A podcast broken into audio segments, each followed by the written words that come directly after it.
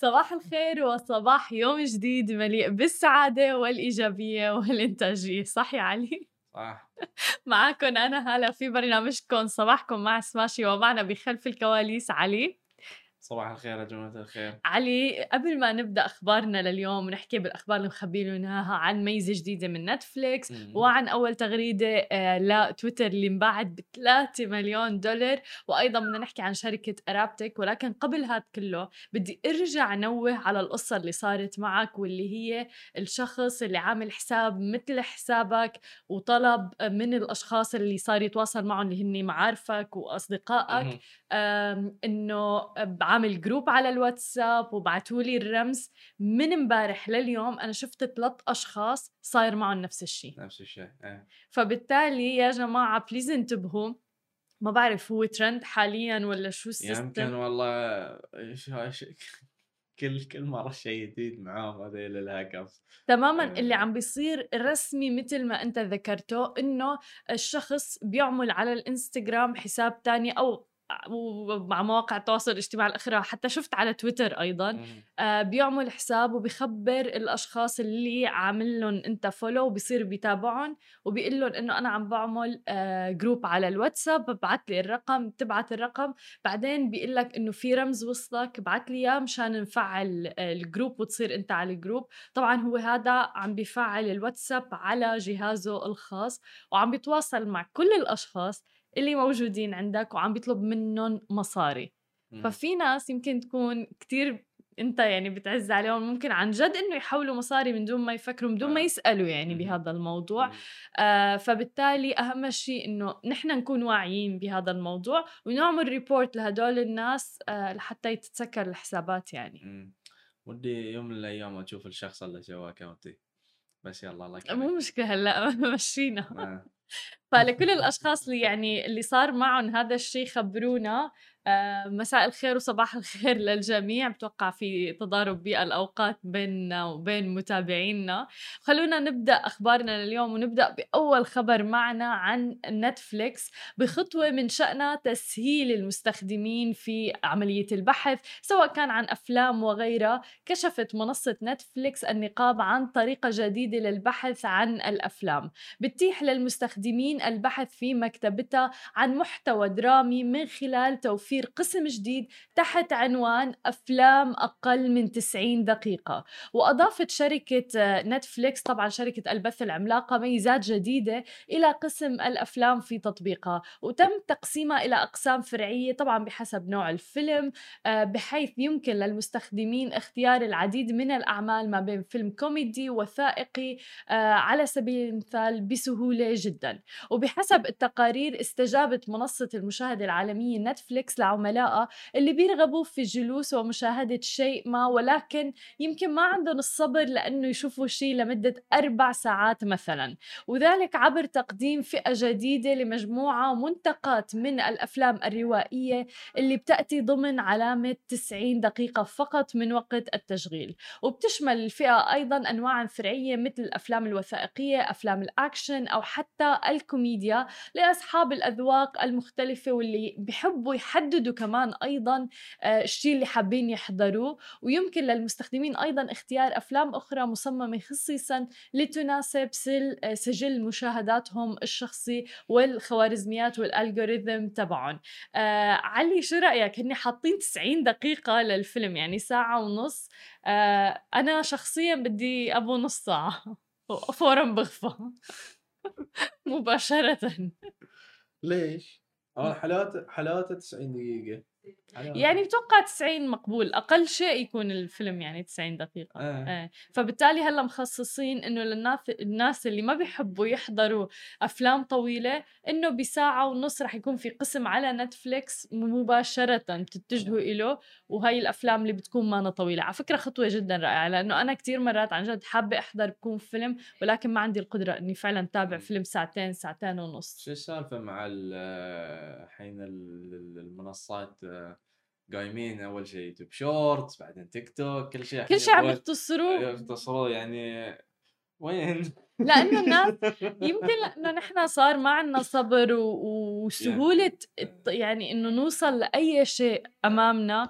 آه، صار فعلا في منافسة كتير كبيرة وصار هن بحاجة إنه يطلعوا هيك خاصيات. أنا برأيي هاي الخاصية رائعة تحديدا للاشخاص اللي مثلي بيغفوا فورا مباشرة أول ما يحطوا movie يعني. والله عن جد أنا متأكدة إني رح أستخدمها يعني بنتفليكس. أنا أنا أنا ما ما أحب شيء نص ساعة أو 20 دقيقة فيلم 20 دقيقة نص ساعة ما. أحب يطولون بالسالفة ساعة سا... ساعة ونص يعني ب... يعني perfect.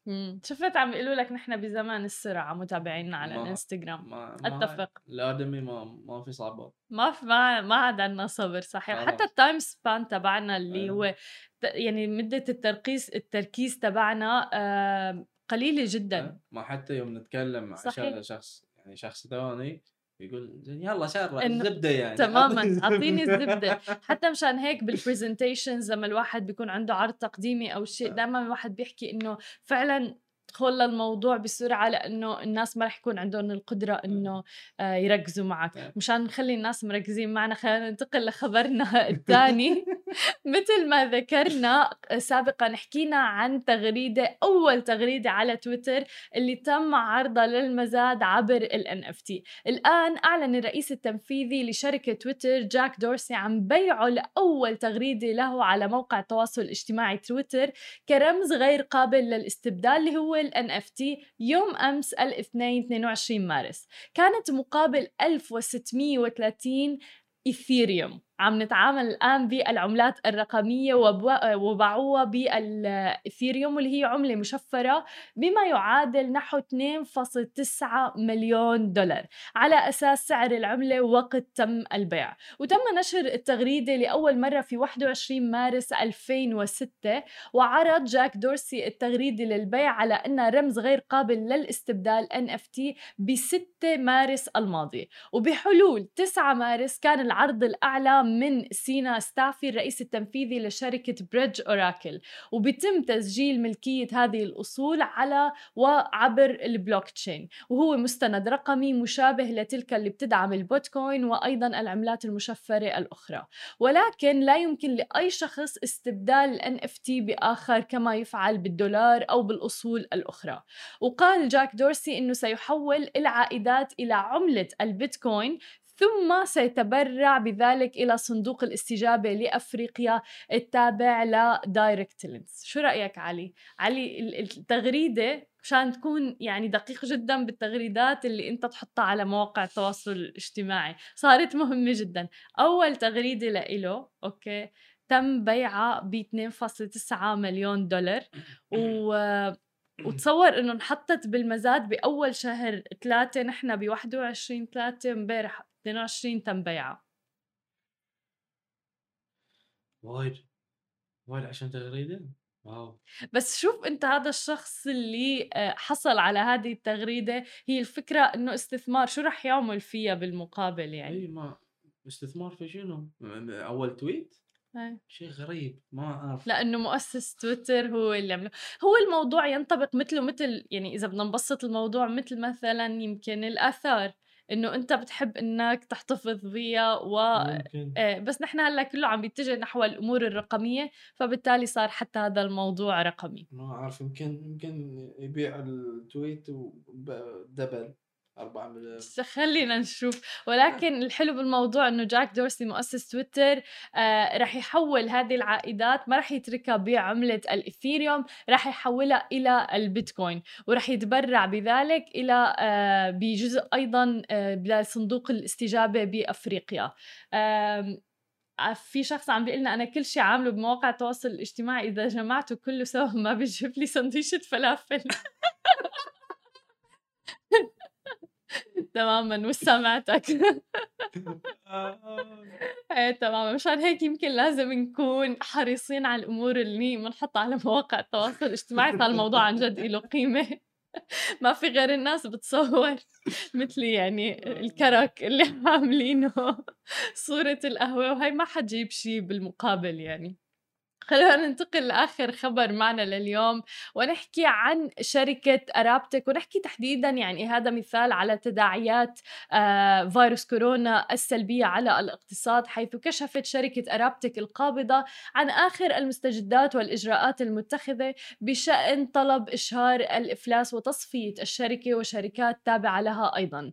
وأشارت الشركة في بيان لها على سوق دبي المالي إلى أنه تم تقديم طلب افتتاح إجراءات الإفلاس أمام أمام محاكم دبي من قبل شركة أرابتك القابضة. هي مساهمة عامة بالإضافة إلى الشركات التابعة لأرابتك الإنشاءات آه، وأيضا الشركة النمساوية العربية آه، أيضا أرابتك آه، وشركة صقر الإمارات وغيرها من الشركات الأخرى التابعة لشركة أرابتك وأوضحت أنه القاضي أصدر في الجلسة المنعقدة بتاريخ 18 فبراير 2021 قراره بتعيين لجنة خبراء سباعية للنظر في طلب الإفلاس وتكون مهمتها إعداد تقرير منفصل لكل شركة تابعة على حدة وأيضا تقرير مجمع عن الشركة القابضة وتقييم الوضع المالي لها. وما إذا كانت فعلا في حالة ذمة مالية مدينة وما مدى إمكانية إعادة الهيكلة للشركة.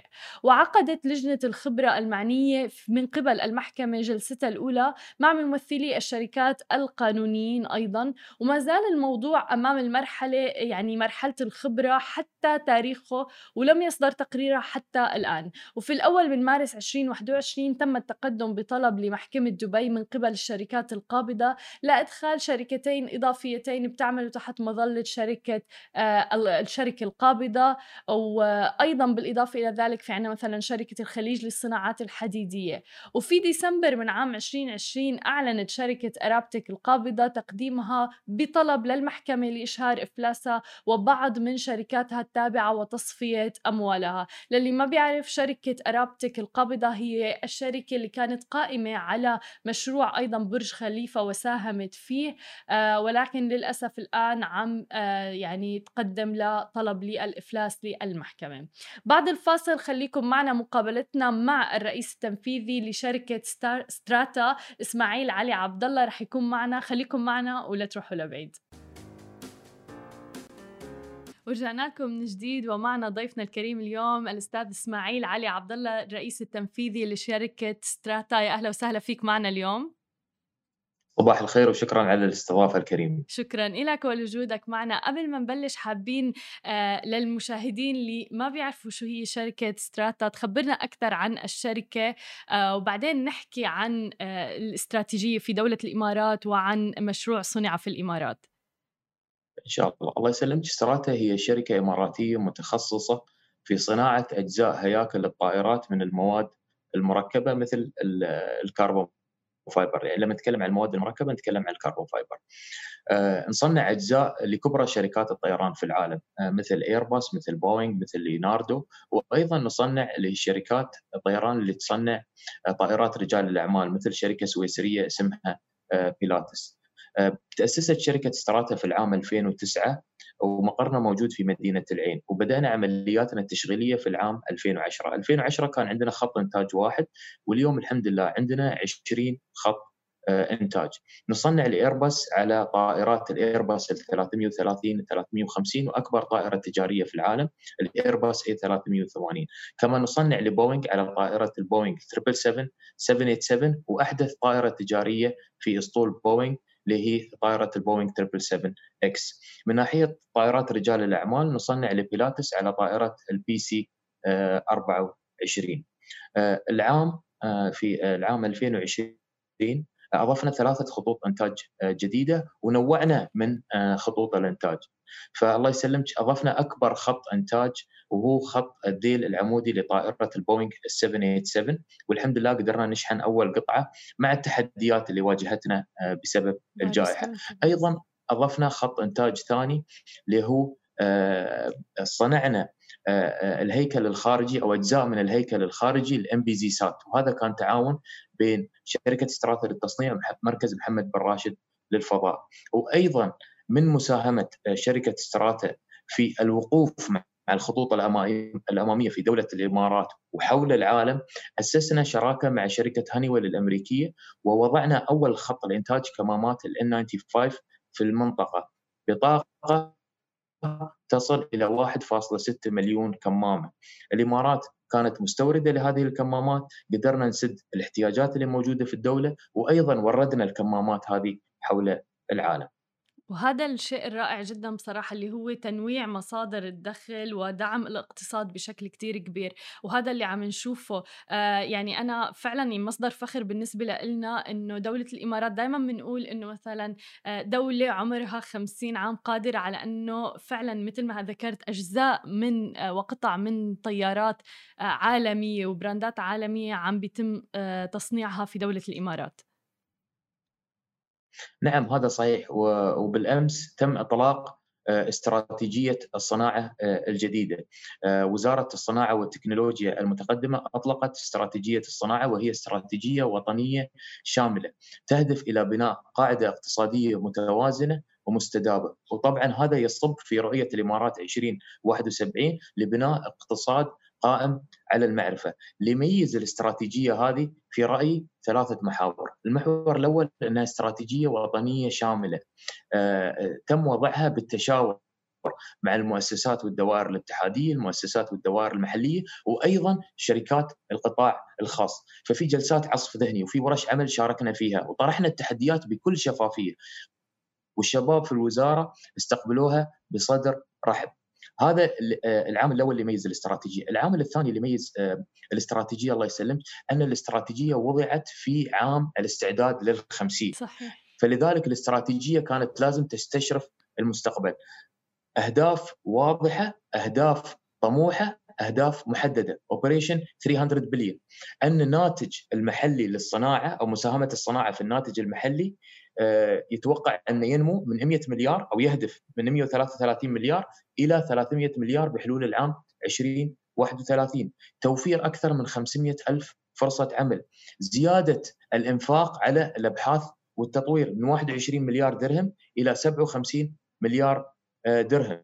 الشيء الثالث اللي يميز الاستراتيجية أنها أخذت بعين الاعتبار الواقع والمتغيرات المحيطة بسبب الجائحة. نحن شفنا العديد من سلاسل التوريد وسلاسل الأنشطة توقف صحيح. بسبب آه، آه، الجائحة، وطبعا هذا يعني مثل ما في أمن غذائي مهم لازم يكون في أمن استراتيجي صناعي مهم، فلذلك إحدى الأهداف للاستراتيجيه أنها تبني 13500 شركة وطنية موجودة في دولة الإمارات في مختلف آه، الصناعات. جميل. وطب شو التحديات اللي ممكن الواحد يواجهها للوصول لهذه الاستراتيجية وتحقيقها؟ وكيف الواحد إنه يعني آه، يحققها؟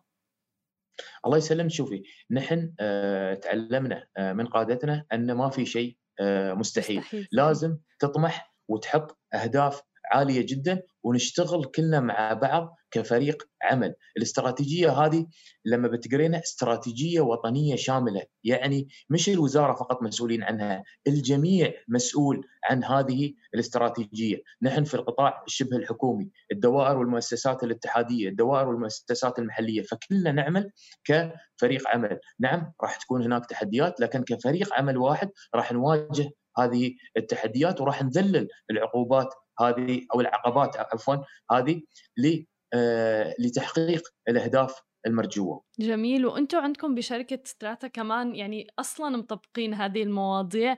آه نسبة كبيرة من الموظفين عندكم من الكوادر الوطنية حوالي تقريبا 63% ومن هذه النسبة حوالي 88% نساء أيضا يعني ف صحيح.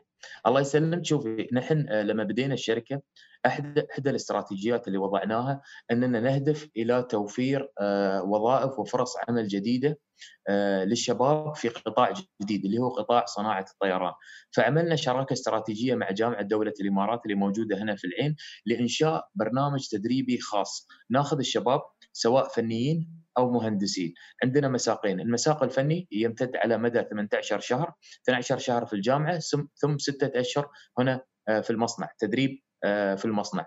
المهندسين بعد ما يكملون معنا آه، سنتين إلى ثلاث سنوات نبدأ نبتعثهم إلى الخارج إلى مصانع ايرباص في تولوز في فرنسا مصانع بوينغ في أمريكا سولت ليك سيتي أو أو سياتل وأيضا ال design bureau تبع بوينغ اللي في موسكو.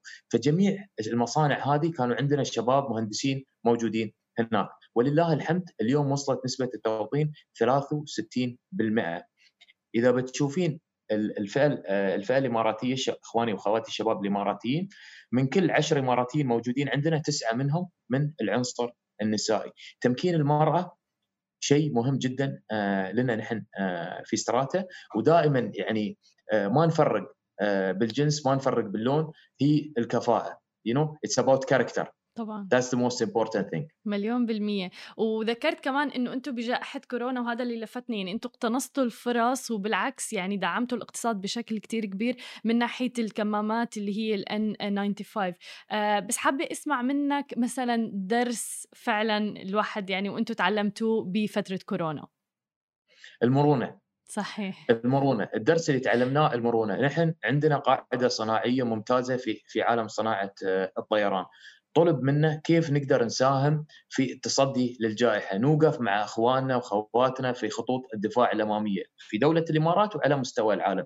فلذلك قلنا بنتخصص في شيء اللي هو كمامات ال N95 في الخليج وفي المنطقة ككل ما في مصنع ينتج كمامات ال N95 وطبعا معدات السلامة والوقاية كان عليها طلب كبير جدا وفي شحنات وقفت وفي شحنات ما وصلت. فلذلك قلنا راح نساهم ولو بشيء بسيط.